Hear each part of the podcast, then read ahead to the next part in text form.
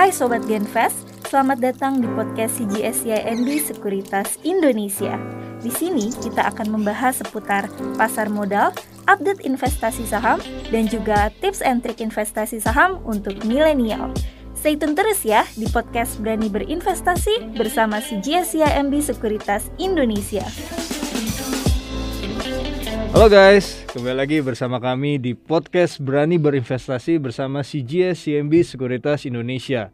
Nah, kali ini kita akan membahas bayang-bayang resesi mendekat.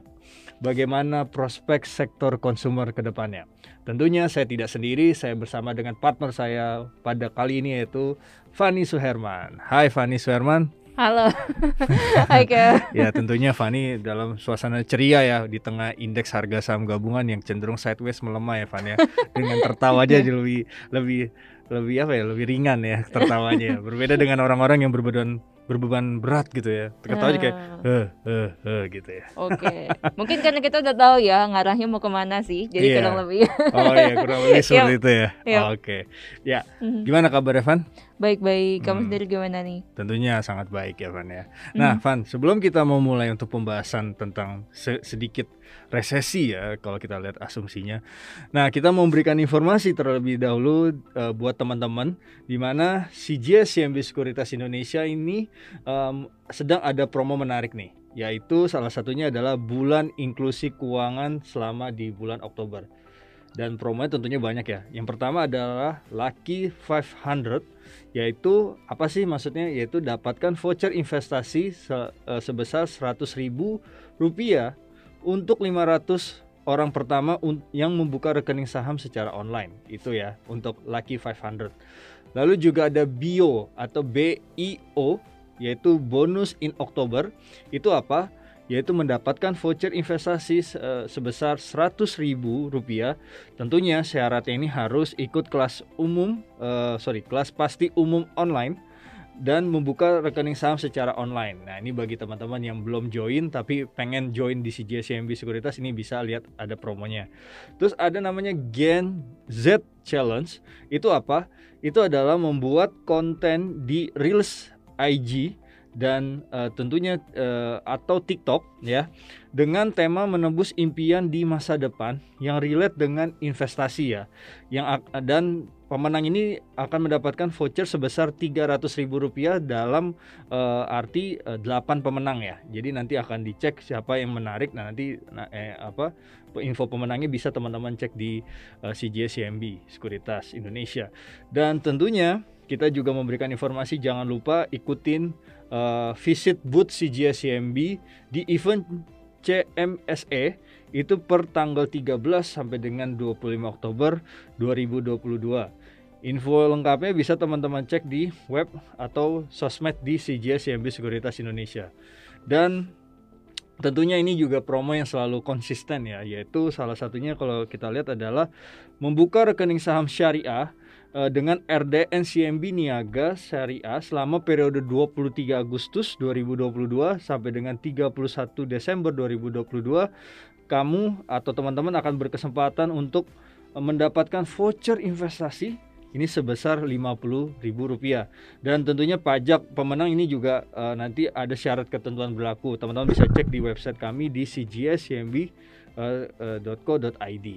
dan tentunya juga tidak kalah menarik adalah promo free broker fee bagi nasabah eh, syariah yang buka rekening eh, saham syariah dengan melakukan transaksi saham buy secara online dan tidak termasuk livi fee hingga 31 Desember 2022. Saking banyaknya promo saya eh, sampai bicara saham jadi syaham gitu ya. Tentunya ini eh, sebuah apa ya? Biasa ya kalau udah bawa syariah tiba-tiba kok Arab-Arab saya tuh bergejolak gitu ya. ya jadi syaham gitu ya. Tentunya teman-teman ini bisa teman-teman cek di cgscmb.co.id dan juga bisa lihat dicek di Instagram eh, teman-teman ya. Oke. eh Oke, itu aja ya Van ya, mungkin ya promo kita. Iya, ini baru promo loh. Ini baru promo. Oke, saya harus nafas harus panjang lagi karena habis ini kita akan berbicara tentang resesi dan khususnya bagi sektor-sektor eh, consumer. Nah, Van, kalau kita lihat nih Van ya, memang uh, adanya probabilitas dan tentunya tidak hanya di CGS CMB Sekuritas Indonesia yang uh, terkadang membahas resesi, tapi sekarang TikTok, influencer-influencer TikTok juga bahas uh, tentang resesi loh. Saya juga kaget pas lihat buka TikTok feed saya tiba-tiba bahasnya resesi semua. Dan itu ada beberapa pandangan, pendapat dan tentunya kita juga akan ikutan juga untuk bahas ini walaupun sebelum-sebelumnya kita sudah sounding ke teman-teman gitu ya. Mhm. Nah, Van, kalau kita lihat kan membicarakan probabilitas nih khususnya resesi di Amerika Serikat. Nah, Mhm. ini gimana efeknya buat saham-saham defensif khususnya di Indonesia? Kalau kita lihat berkaca adanya resesi probabilitas nanti di luar negeri khususnya di Amerika Serikat. Bagaimana tanggapannya? Oke, nah kalau misalkan kita flashback balik nih ya teman-teman, eh, di podcast yang eh, kemarin itu kita udah pernah membahas ya bahwa memang eh, probabilitas US ini masuk ke dalam resesi itu udah mencapai 50% ya.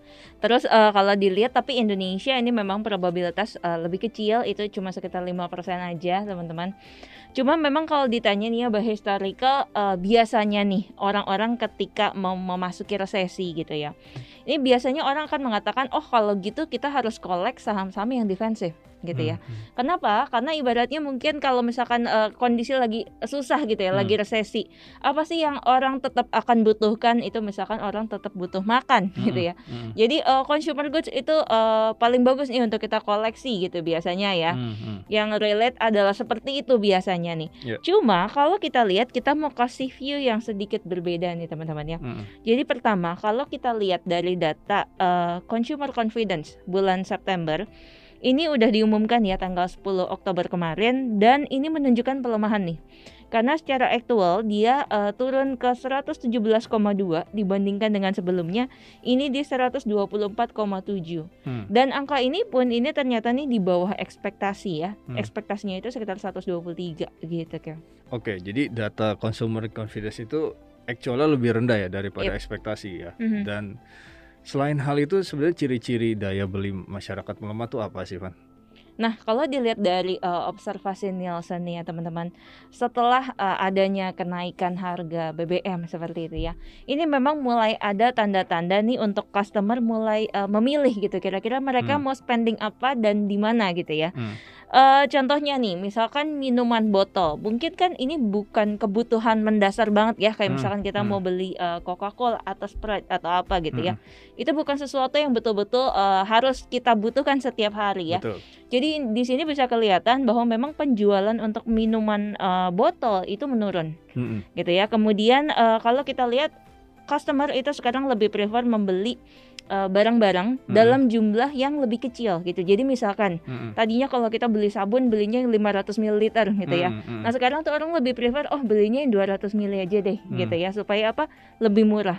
Nah eh, ini sebenarnya mengindikasikan memang eh, adanya potensi eh, growth untuk eh, FMCG ya. Hmm, hmm. Mungkin ini memang masih akan positif nih di eh, second half 2022. Hmm, hmm. Tapi kalau kita lihat eh, growth-nya ini akan cenderung lebih slow gitu ya dibandingkan dengan eh, pertumbuhannya di eh, first half 2022 gitu. Dan ke depannya gimana growth-nya ini juga eh, kalau kita lihat di tahun depan ini bisa potensi agak sedikit lebih rendah nih dibandingkan dengan growth di tahun ini gitu.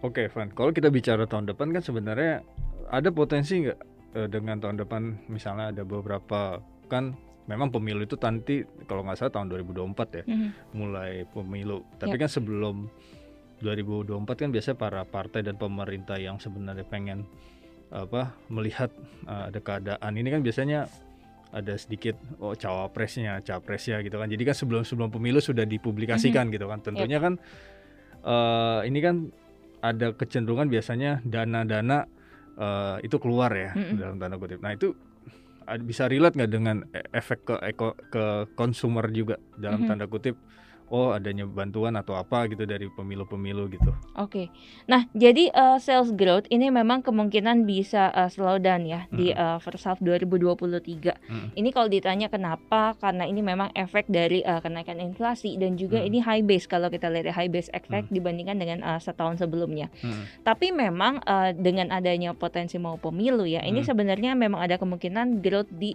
eh, second half 2023 ini akan lebih baik nih Oh, oke. gitu ya dengan adanya efek tadi yang Iya, kamu iya. sebutkan nih pemilu Ah, ya. ah. Tapi kalau ditotalin gitu ya, disetahunkan, nah Hmm. ini mungkin memang eh, kelihatannya growth-nya akan cenderung eh, lebih lemah sih, gitu Oh. secara total ya, in Secara total. total. Mhm. Secara full year ya gitu ya. Oke oke oke Van. Eh, jadi memang sektor ini juga akan cenderung negatif ya karena kita bicara secara full year. Tapi mungkin ada sedikit eh, pertumbuhan di second half ya 2023 yaitu Yap. semester 2 gitu ya. Mhm. Nah Van, eh, bagaimana dengan saham-saham consumer goods ya seperti Unilever, terus juga HMSP. Ini berarti eh, bisa terjadi negatif juga dong kalau Mhm. ke area itu. Oke, nah kalau misalkan kita lihat ya untuk Unilever ini misalkan eh, mereka kan menjual barang-barang kebutuhan rumah tangga ya, contohnya kayak misalkan eh, deterjen, pasta gigi dan sebagainya ya. Hmm. Nah ini kelihatannya nih ibu-ibu zaman sekarang tuh udah eh, lihai-lihai gitu ya. Oke.